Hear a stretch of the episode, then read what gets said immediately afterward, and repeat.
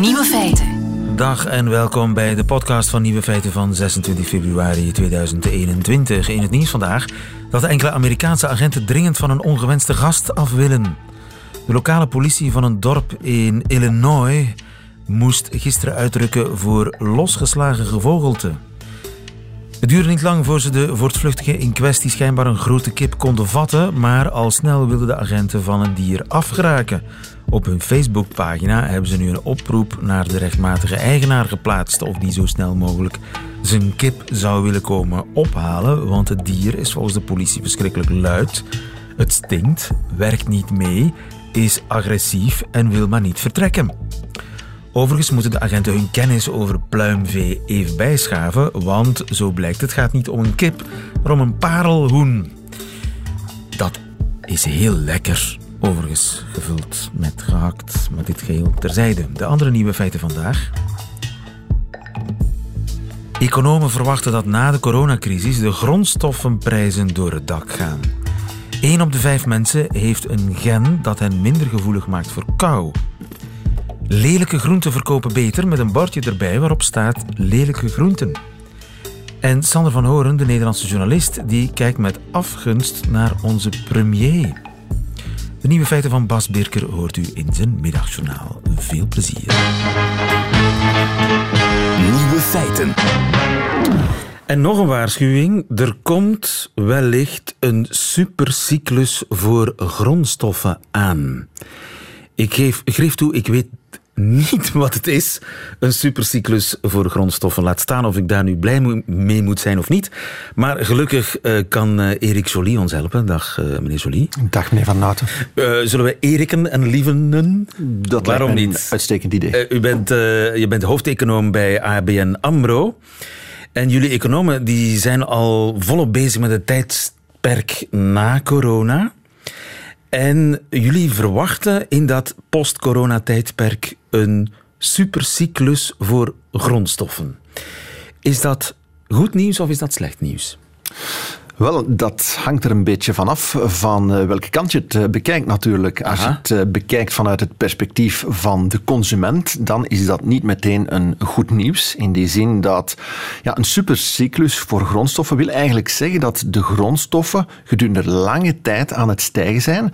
Dat is een iets of wat ja, abnormaal fenomeen. Het komt om de paar decennia maar een keertje voor. De hoeveelste supercyclus zou dat zijn? Wel, het hangt er een beetje vanaf hoe je het bekijkt. Uh, als je teruggaat over de periode waarover er uh, correcte uh, cijferreeksen beschikbaar zijn, dan zouden we nu potentieel aan de vooravond kunnen staan, heel wat voorwaarden, van de vijfde Super De vijfde. Ja. Dus er zijn er nog maar vier geweest. Ja, de allereerste, uh, dat was eigenlijk aan het begin van de 20e eeuw, uh, de tweede industriële revolutie. De tweede supercyclus, dat was uh, ten tijde van Wereldoorlog 2. Drie, de periode van de oliecrisis. En vier, de periode, laten we zeggen 2000, waarin China zich ontbolsterde. Maar als je echt de klassieke economische literatuur op naslaat, dan kan je vaststellen dat er ook zoiets zou geweest zijn als de allereerste supercyclus voor de grondstoffen in de periode van de Napoleontische oorlogen, 1812, 1814. En ook ten tijde van de Amerikaanse uh, burgeroorlog zouden de dus grondstofprijzen heel hoog zijn geweest. Oorlogen en uh, China die ontbolstert het, verband tussen beide is dat plotseling de vraag zeer groot wordt naar grondstoffen. Ja, inderdaad. Het is de vraag die het hem eh, doet, voor een deel uiteraard. Want we hebben gezien dat de voorbije jaren heel wat ontginners van grondstoffen, dat die eigenlijk structureel onder geïnvesteerd hebben in exploitatiemateriaal om de eenvoudige reden dat die prijzen zo laag waren. Dus het rendeerde niet om daar veel geld in te stoppen. De prijzen van de grondstoffen waren toch laag. Ja, en als dan plots die vraag begint te stijgen... Wat kan het aanbod niet volgen. Inderdaad simpele economische uh, logica. Maar dat betekent dus eigenlijk dat, u een enorme, dat jullie economen een enorme vraag, een toename van de vraag naar grondstoffen verwachten na corona. Waarom? Wel, voor, voor, voor alle duidelijkheid, het is iets wat leeft in de markt. Het is niet zo specifiek iets wat wij gaan verwachten. Het is de markt die dat uh, verwacht. Um, ja, wat, er, wat, er, wat we op dit ogenblik zien, is dat er inderdaad een vraag is naar allerhande grondstoffen. Je moet weten, er zijn in principe vier soorten grondstoffen. Je hebt de edelmetalen, goud, zilver. Je hebt de industriële metalen, koper, nikkel en dergelijke meer. Landbouwgewassen. En dan heb je ook nog de, de, de, energie, dus olie en, en dergelijke meer. Nu, er bestaat zoiets als een grondstoffenindex. Noem het uh, te vergelijken met wat de Dow Jones voor de aandelen is, is de CRB, grondstoffenindex, voor de grondstoffen. Die index die omvat 27 verschillende grondstoffen. En, zijn die al aan het stijgen? Wel, dat is nu net het unieke waar we mee geconfronteerd worden. Al die 27 grondstofprijzen de voorbije maand zijn aan het stijgen. De voorbije zes maanden, pardon. Maar dat is toch raar, want door de coronacrisis is er toch een algehele economische slapte? Ja, dat klopt. Maar uh, de beleggers die anticiperen altijd. En uh, we gaan er op dit ogenblik vanuit dat door de massale vaccinaties dat die economie wel onder stoom kan komen te staan ergens ja, kwartaal 3, dat wil zeggen begin september van dit jaar. Wie zegt economie onder stoom, zegt inflatie. Om je een idee te geven, op dit ogenblik piept die inflatieverwachting in de Verenigde Staten al boven de grens van de 2%. Dat is lang geleden dat dat het geval is geweest. En wie zegt inflatie, zegt automatisch een klimaat waarin grondstoffen goed gedijen. Dus dat is één potentiële verklaring. Er zijn er nog. Je hebt de massale stimuli van de overheden, uh, monetaire en dergelijke. Kijk naar Joe Biden. Hij gaat 1900 miljard dollar in die economie pompen. Dat geld zal gebruikt worden voor infrastructuur, ook energietransitie. En daar zijn de mogelijkheden ja, quasi onbeperkt. Om je daar een idee van te geven, er zijn studies die gewacht maken dat die energietransitie tussen nu en de komende 20 jaar niet minder dan 40.000 miljard dollar zal nodig hebben. Dus heel veel geld. En dus ja, dat ook die energietransitie, daar gaat men gebruik maken van grondstoffen. Dus allerlei uh, tekenen wijzen erop dat uh, eenmaal de meeste mensen gevaccineerd zijn, dat dan de economie echt gaat ontploffen. Dat, uh, dat is best mogelijk. Dat is best mogelijk. Ja, we zitten dus op dit ogenblik mijlenver verwijderd van dat doemscenario wat misschien een paar maanden of een jaar terug plots opdook. Ja. Maar te snel groeien is ook niet goed. Wel, te snel Ik hoor je zeggen, inflatie, uh, grondstoffenprijzen die door het dak gaan. Ja, dat, dat, dat kan uh, de boel ja, doen vastlopen, toch? Ja, dat is, eh, dat, is, dat is mogelijk. Ik zei het al in het begin van het gesprek, lieve. De, voor de consument is dat potentieel een, een, een probleem. Hè, omdat zijn kost van levensonderhoud, de tankbeurt wordt duurder, de, de kost voor energie wordt duurder, onze voedselprijzen dreigen duurder te worden. Dus dat is misschien de negatieve kant van het verhaal. Maar je kan er ook positief bekijken vanuit het perspectief van de belegger. En dan zou je kunnen zeggen, misschien kan je een graantje meepikken van die grondstofprijsstijging. Ah ja, want mijn spaarboekje zal door die inflatie toch ook gaan krimpen. Ja, dat wordt helemaal opgegeten aan, eh, aan koopkracht, uiteraard. En ja, natuurlijk, als je de vergelijking maakt tussen de aandelenbeurzen en de, de, de grondstoffenmarkten, het voorbije decennium, de voorbije tien jaar, heeft de S&P 500 300% meer opgebracht. Dus de aandelen hebben 300% meer opgebracht dan de grondstoffen. Dus die grondstoffen die zitten enorm, enorm vertraagd ten opzichte van de aandelen. Maar als je even uitzoomt en je kijkt over een heel, heel lange periode, 150 jaar bijvoorbeeld, dan zie je dat de returns, dus met andere woorden, wat het opbrengt voor de beleggers, dat dat nu aandelen of dat dat grondstoffenmandjes zijn, dat houdt elkaar min of meer in evenwicht. Met andere woorden, het zijn min of meer vergelijkbare opbrengsten, maar echt over heel, heel lange periode ja, gezien. Maar dus de grondstoffen gaan aan een inhaalbeweging beginnen. Die supercyclus die komt er hoogstwaarschijnlijk aan. Of die is zelfs al begonnen. Wel, ik denk op, op korte termijn is het zo dat uh, ja, je ziet die evolutie van die olieprijs. Uh, wat ook heel belangrijk is, is de evolutie van koper. Omdat koper gaat echt in alle geledingen van, van, van ons uh, economisch bestel. Het zit in de smartphone, het zit in de woning, de industrie en dergelijke meer. De koperprijs staat op dit ogenblik op het hoogste niveau van de voorbije, ja, pakken weg, 9, 9 à 10 jaar. Uh, dus ja, dat kan erop wijzen dat er een supercyclus zit aan te komen. Alleen, ik denk dat het nog veel, veel te vroeg is om daar nu definitieve conclusies over te trekken. Dat zullen we pas over een paar jaar kunnen zien. Maar wat wel zo is, het leeft en niet enkel op Wall Street, het leeft ook bij uh, de beleggers. Het volstaat daarom om even uh, na te kijken wat Google Trends Data ons leert over het begrip uh, commodities supercycle. Wel, dat begrip is het meest gegoogeld sinds 2008, dus het, het leeft wel degelijk in de lagen van de bevolking. Dat wil wat zeggen. Hou ons op de hoogte, Erik Jolie. Dankjewel. Dankjewel. Goedemiddag. Nieuwe feiten. De ontdekking van België. En over hard werken gesproken, de hardwerkende journalist in Brussel is ongetwijfeld uh, Sander van Horen, die zowel de Belgische politiek moet volgen voor de NOS, de Europese politiek moet volgen voor NOS en voor ons dan ook nog eens verslag moet uitbrengen elke vrijdag, of bijna elke vrijdag, over wat hij over ons land allemaal uh, ontdekt heeft. Ja, nou, en ik was helemaal niet hard aan het werk. Ik je was hebt een jasje aan, je hebt een Colbert jasje aan. Ja. Dat betekent dat je hard aan het werken bent. Oké, maar afgelopen weekend was ik helemaal niet hard aan het werk. Oké. Toen was ik op uh, vakantie in eigen land. Oké. Gedwongen door de Belgische regering, want ik mag voor niet-essentiële verplaatsingen ben de ik grens heel benieuwd. over. Wat doet een Nederlander die op vakantie gaat in België? Brugge. Ik ben, ik, ik, ik ben in Brugge geweest en eh, heb daar geslapen in een hotel... wat je normaal gesproken als alle uh, Chinezen, alle Japanners... en alle Amerikaanse uh, toeristen daar rondlopen... Uh, in geen lengte van dagen kunt betalen. heb daar rondgelopen in een stad waarbij mensen... Dus het was goedkoop. Het was goedkoop, dat is voor een Hollander dan altijd prettig. Maar ook dat je inderdaad op plekken kunt staan... en dat je daar twee mensen ziet... Heerlijk, en een hè? uh, foto kunt maken. Terwijl je weet dat daar normaal gesproken.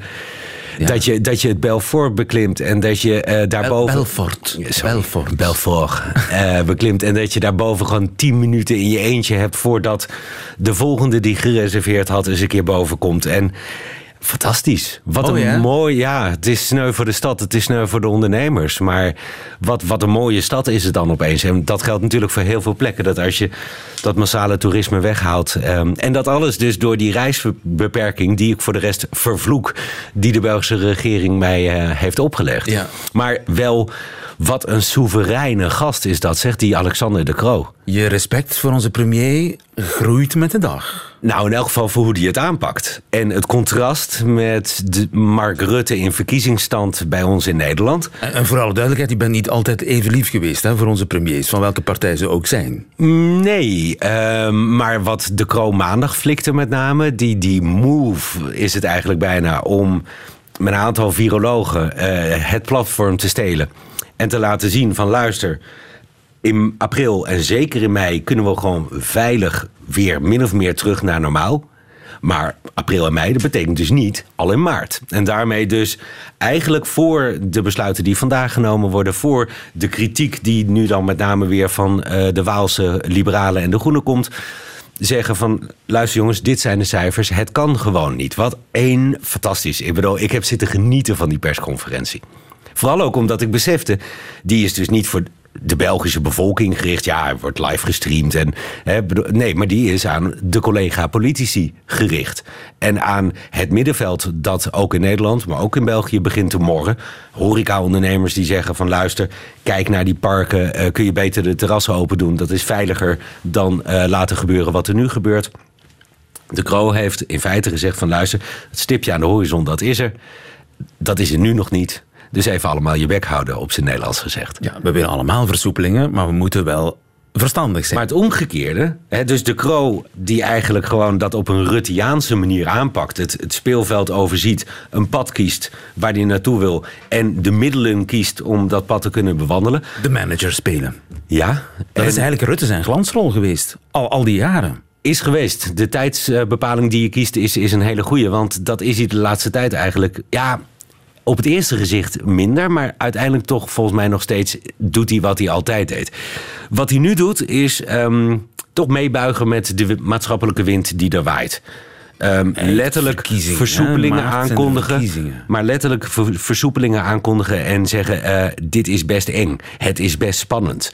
Dus, dus eigenlijk uitstralen, ik wil het niet, maar het vervolgens toch doen. Omdat de roep om versoepelingen wel heel erg groot is. Overigens, met de versoepelingen die nu in Nederland zijn aangekondigd, zitten ze nog niet eens op het soepelheidsniveau van België.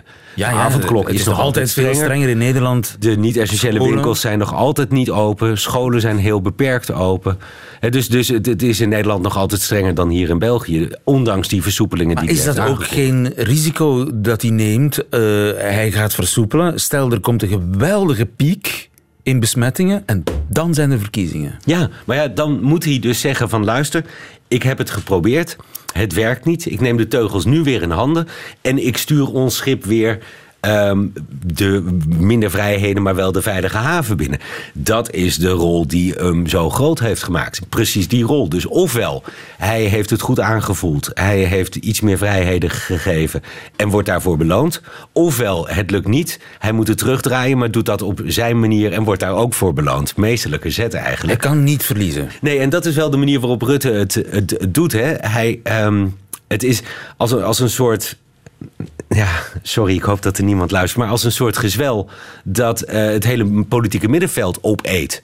Alle dossiers trekt hij naar zich toe. Hij incorporeert ze.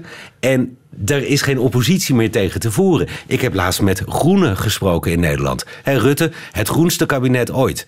Ja, wat moeten de Groenen doen? Zeggen van, maar wil je het echt groen, dan moet je naar ons toe. Nou, dat is niet echt lekker oppositie voeren. Ik had een gesprek met Frans Timmermans over eh, dat Rutte ook zegt, net zoals de Sociaaldemocraten, ehm, we moeten niemand achterlaten. Het argument van Timmermans is dan van, ja, maar wij menen het echt. Ja, moet je daar verkiezingen mee winnen? En dat is hoe Rutte het doet. Hij eh, neemt bezwaren, hij neemt kritiek in zich op. Hij vereenzelvigt dat. Hij verandert er niet uiterlijk door. En nou ja, daardoor groeit hij. En dat doet hij dus nu ook met die coronamaatregelen. Ehm, de roep uit de maatschappij is even niet te weerstaan eh, voor een premier in verkiezingstijd. Hij neemt het op. Hij kan er alleen maar door groeien. Wanneer zijn de verkiezingen? Eind maart. Eind maart. Ik ga je houden aan je voorspelling. Oh, de voorspelling Mark Rutte wint de verkiezingen. Dat, dat kan elke kneus, eh, die kan elke kneus maken nu. Eind maart is nog een maand. Dat is heel lang. Er kan veel Er kan nog veel gebeuren. Oh, wacht. Zoals verkeerde jingle starten. Ja. Nu zat ik te denken, als ik vertel dat ik in Brugge ben geweest, dan krijg ik vast allemaal West-Vlaamse woorden en die weet ik al helemaal niet. Nu, eh, West-Vlaamse woorden eh, weet ik ook niet. En die ga ik jou nooit voorleggen. Want het is precies de bedoeling dat, dat ik jou woorden voorleg die in Vlaanderen heel gebruikelijk zijn. Woorden waarvan we zelfs bijna het Nederlands, het Noord-Nederlandse equivalent niet eens zouden weten. Zoals daar is. Ja, voor dit woord, ja, uitzondering dit woord. maar het is toch wel een algemeen woord. Handfrein. Sorry? Hand? Handfrein. Frein? De handfrein. Oh, de handrem in de auto. Ja, Ja, maar ja, dat is weer... eh, sorry, ik heb vandaag de rust om te bedenken. Frein, wat zal dat zijn? Ah, frein. Oh, dat is een rem in het Frans. Dus het zal wel de handrem zijn. goed gespeeld. Ja. Alarmbak. Ja, om in, in, in, in, in genre te blijven, is dat dan de versnellingsbak? Nee. Nee. De alarmbak is de gereedschapskist. Oh, echt waar? De alarmbak. Oh, wat grappig. Wat is het Franse woord voor gereedschap? Wat is het andere? Dat- Ja. Outil. Outil. Oké. dus niet, eh, heeft daar niks mee te maken. Oké. Horens zetten. Horens zetten. Ja. Dat betekent dat je allemaal Sander van Horentjes op de aarde zet? Is dat wat? Nee, geen idee. Het zou kunnen. Het, het zou het gevolg daarvan kunnen zijn. Oh ja? Ja. Horens zetten. Nee, is dat iets als van de stekels? eh, dus, dus je wat vijandig opstellen? Nee, volgens mij komt het ook uit het Frans. Want in het Frans heb je de cocu. De uitdrukking cocu. Heeft dat er iets mee te maken? Ik ben er niet helemaal zeker van. Maar horens zetten Ja. is... Ja, als ik jouw horens zet, dan heb ik een affaire met je vrouw. Dan heb ik jouw horens gezet. Is uit jouw mond wel helemaal een mooie, maar goed, los Inderdaad, daarvan. Je weet nooit. Nee.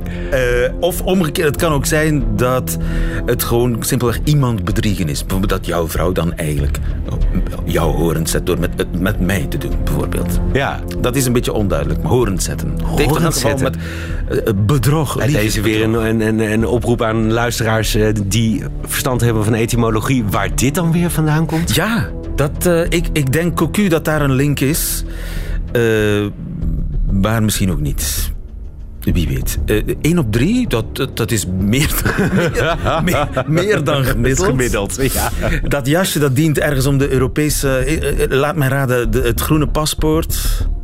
Daar ging het gisteren over. Vandaag hebben de regeringsleiders het weer over buitenlands beleid. Maar daar heeft het inderdaad wel mee te maken. Op naar het Schumannplein. Dankjewel, Sander van Horen.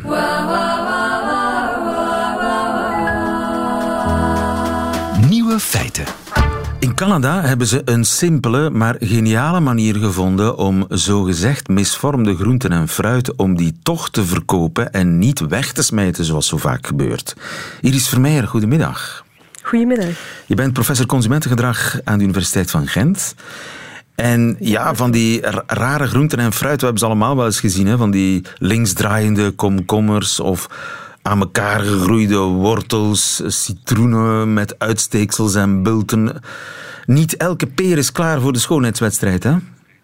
Nee, dat is zo, inderdaad. Er zijn uh, verschillende soorten groenten en fruit die eigenlijk uh, afwijken van de normale vorm of de vorm die wij gewoon zijn om te zien. We zien ze misschien niet zo vaak in elke winkel, maar er zijn wel degelijk veel groenten en fruit die afwijken. Die groenten zijn eigenlijk perfect veilig om te consumeren, maar die zien er gewoon een beetje anders uit. En vaak worden die gewoon weggesmeten. Ja, dat is een groot probleem eigenlijk, omdat wij niet graag producten kopen die er niet zo goed uitzien. Gaan retailers en producenten al deze groenten en fruit dus wel eerder weggooien of niet aanbieden eh, in de winkels. Hoewel die mhm. perfect gezond en lekker zijn. Ja, inderdaad. Die zijn van dezelfde kwaliteit als perfect gevormde groenten en fruit.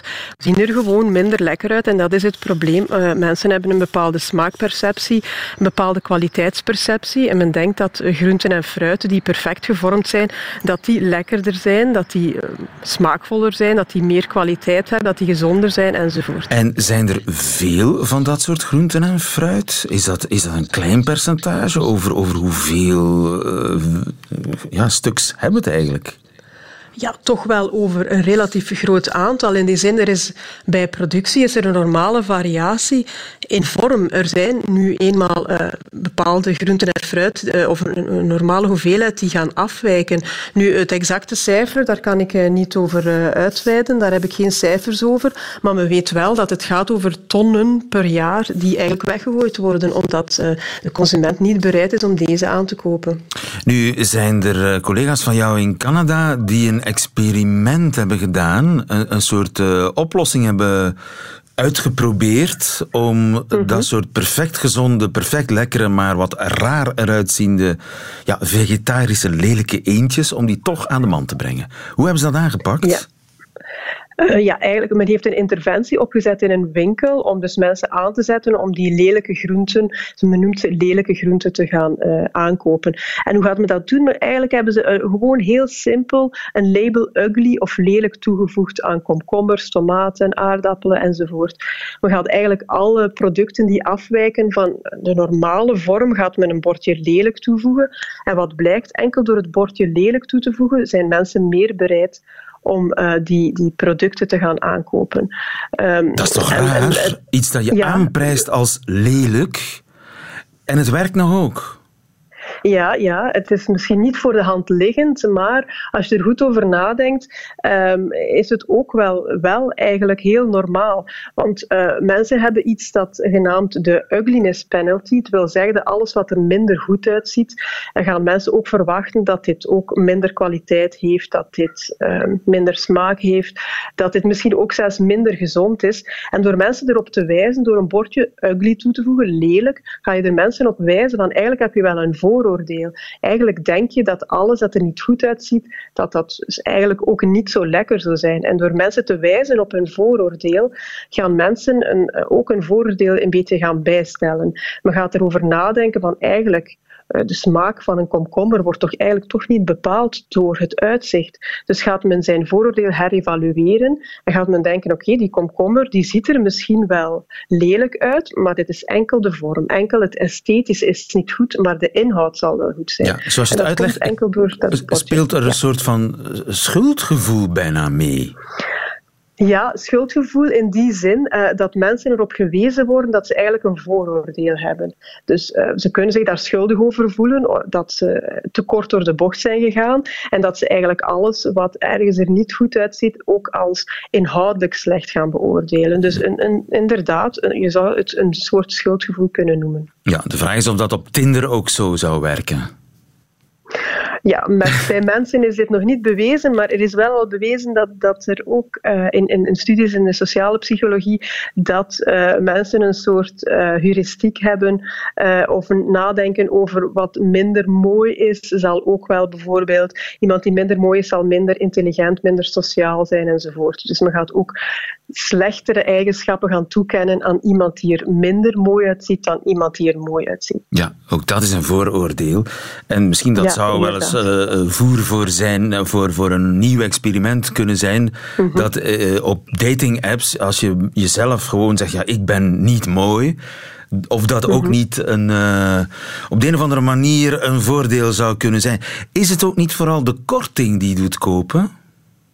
Ja, een korting is wel belangrijk in die zin dat, dat uh, groenten en fruit die er ietsje anders uitzien, worden vaak met korting aangeboden. Maar het, uh, het interessante is dat de korting niet te hoog mag zijn. Als je een hele hoge korting gaat aanbieden, dan gaan mensen, eigenlijk consumenten, denken van ja, er zal wel iets mis zijn, meer dan met de vorm alleen. Want waarom zou de retailer zo'n grote korting aanbieden um, als er niets inhoudelijk mis is met het product? Dus een korting kan helpen en is eigenlijk wel nodig om mensen een eerste push te geven, een eerste aanzet om deze producten te kopen, maar de korting mag niet te groot zijn. Ah ja, dat is ook interessant. Dus de korting mag niet te groot zijn en er een groot bord lelijk bij zetten. Zo ja, verkoop dat is, je, uh, dat werkt. Zo ja. Verkoop je linksgedraaide komkommers en andere raar gevormde ja, vegetarische producten. Dankjewel. Inderdaad. In uh, Gent voor ons, Iris Vermeer. Goedemiddag.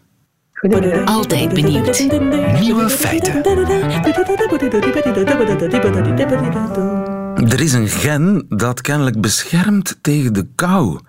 En één op vijf die heeft dat gen. Martien Thomis, goedemiddag.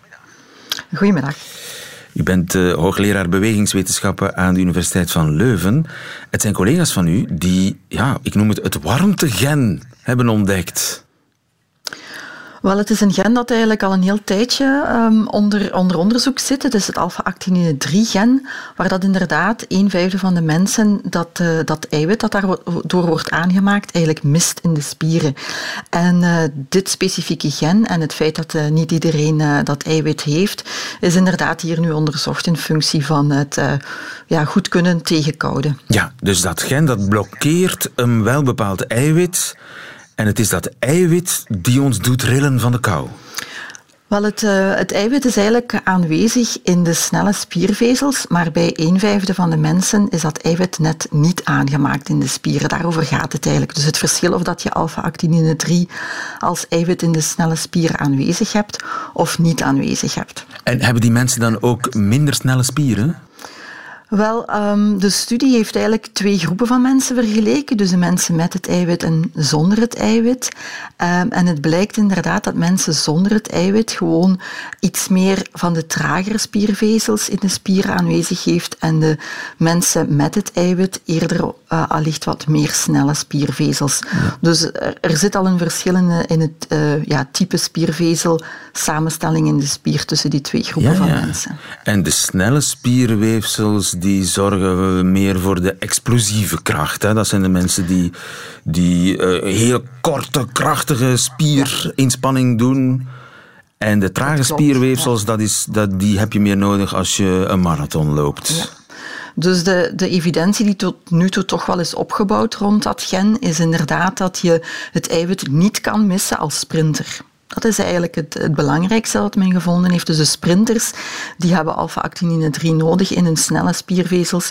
De mensen die de lange afstanden lopen, daar blijkt het niet zo hard nodig te zijn. Of dat zijn zelfs ook mensen die uh, ja, dat, uh, dat gen of dat uh, eiwit kunnen missen. Juist, ja. Dus sprinters zullen eerder kouwelijke mensen zijn dan marathonlopers. Wel, wat hieruit kwam inderdaad, is dat de mensen zonder het uh, eiwit, dat die langer in de, uh, het onderdompelen in het koude water konden volhouden, in vergelijking met de mensen met het, uh, met het gen, of met het eiwit liever. Ja. Dat is toch fascinerend. Zou dat nu kunnen de reden zijn waarom de ene mens sneller rilt van de kou dan de andere? Is dat de hoofdreden? Zit het echt in de genen? Wel, ik denk dat het eh, in meer dan alleen dit gen zal zitten. Uh, dat is altijd een belangrijke boodschap, maar het verschil is hier toch wel duidelijk. En uh, men heeft ook de mensen ervoor gezorgd dat ze evenveel onderhuidsvet hadden. Want natuurlijk is dat allicht ook een factor waarom dat je beter of minder goed tegen, tegen koude kan. Dus de mensen hier hadden evenveel onderhuidsvet. Um, en wat vooral gezien werd, is dat de, de spiertemperatuur daling verschillend was tussen de twee groepen. Niet zozeer de huidtemperatuur, die was even groot. En met alle onderzoeken die ze gedaan hebben, is er uiteindelijk gevonden dat uh, waarschijnlijk de mensen die beter tegen de koude konden, hun spieren op een hele lage tonus konden activeren. Terwijl dat de mensen die niet zo goed tegen de koude konden, dus de, de RR-groep, um, dat die eigenlijk sneller ging uh, bibberen van de kou. Dus de shivering, zoals we dat noemen, het, het rillen van de koude, gebruikt meer uh, de snelle spiervezels. Um, en de mensen met de, die het eiwit niet hadden, gebruiken eerder een lagere tonus van spieren om hun uh, temperatuur op, op, op hoogte te houden. Dus het zou um, een stukje liggen aan het type spiervezel, waar ik het er net al over had, over de trage en de snelle vezels. En ook hoe dat je die dan gebruikt om te reageren op koude. 1 op 5 heeft een gen dat hem beschermt tegen de kou. Martien Thomas, dankjewel. Goedemiddag. Goedemiddag nog. Dat waren ze, de nieuwe feiten van 26 februari 2021. Alleen nog die van Nederbelg Bas Birker krijgt u in zijn middagjournaal. Nieuwe feiten. Middagjournaal. Liefste landgenoten. Ondanks dat ik in het dagelijks leven zo volwassen mogelijk probeer te communiceren, is het me opgevallen dat mijn taalgebruik is veranderd sinds ik vader ben geworden. Dat willen we natuurlijk niet, hè? Is zo'n zin. Minstens dagelijks hoor ik het mezelf zeggen als ik de gevolgen van mijn dochters daden aan haar probeer uit te leggen. Vroeger zei ik zoiets niet. Ik kan me niet voorstellen dat ik me tien jaar geleden tijdens een dronken one-night stand op het moment suprême heb teruggetrokken uit een jonge dame met de woorden: Anders word je zwanger en dat willen we natuurlijk niet, hè? Chance ook dat er niemand zwanger is geraakt. Anders had ik me ook nog moeten bezondigen aan de klassieker samen spelen, samen delen. In dezelfde categorie hoorde ik mezelf gisteren zeggen dat de tijd vliegt als je lol hebt. Wat een gelul, bedacht ik me direct daarna. Ik zit inmiddels ruim elf maanden zo goed als werkloos thuis en ik heb geen enkel idee waar dat jaar naartoe is. Ik weet niet meer wat we al die tijd gedaan hebben. Ik weet niet hoe mijn oogappel zich in dat jaar ontwikkeld heeft en ik heb geen idee hoe ik de abrupte overgang van superdruk naar niks te doen heb overleefd. Alles stond gewoon stil ineens. En toen was het een jaar later en bewoog er nog niks. Vooral ik niet, vandaar de extra kilo's. De tijd vliegt niet als je lol hebt, de tijd vliegt als je gereed moet doen. Terwijl ik voor de 300 zoveelste keer sinds het begin van de corona-ellende het vuur aanzette om de roedel te voeren, begon mijn hersenpan te koken. Misschien hè, heel misschien, vloog de tijd omdat ik thuis zijn best wel lollig vind. Ik kookte zes dagen op zeven op mijn gemak een voedzaam maaltje. Ik leerde mezelf taart te maken. Ik ruimde het huis op, schilderde de keuken, speelde schrijnwerkertje, deed van tegelzettertje en was onthaalvader. Dat alles gelardeerd met een vleugje thuisonderwijs en een dagelijks aperitief om vier. Ik moest niks, want er kon niks. En dus mocht ik alles en bleek ik dat best te kunnen. Vandaag zal onze grote roerganger wat versoepelingen bekendmaken. Hij moet wel, want de cijfers stijgen. En dus is het tijd voor perspectief. Nog even doorbijten. Team van 11 miljoen, zal hij zeggen. Voor je het weet is de zomer voorbij. De tijd vliegt als je nog even geduld moet hebben. Blijf nog even thuis dus vrienden. Anders begint het allemaal weer opnieuw. En dat willen we natuurlijk niet, hè?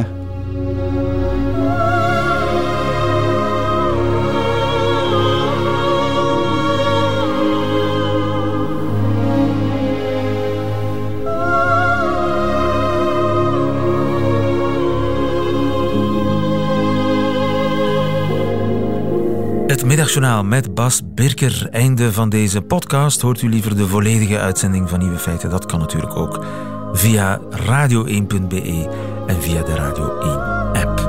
Tot een volgende keer.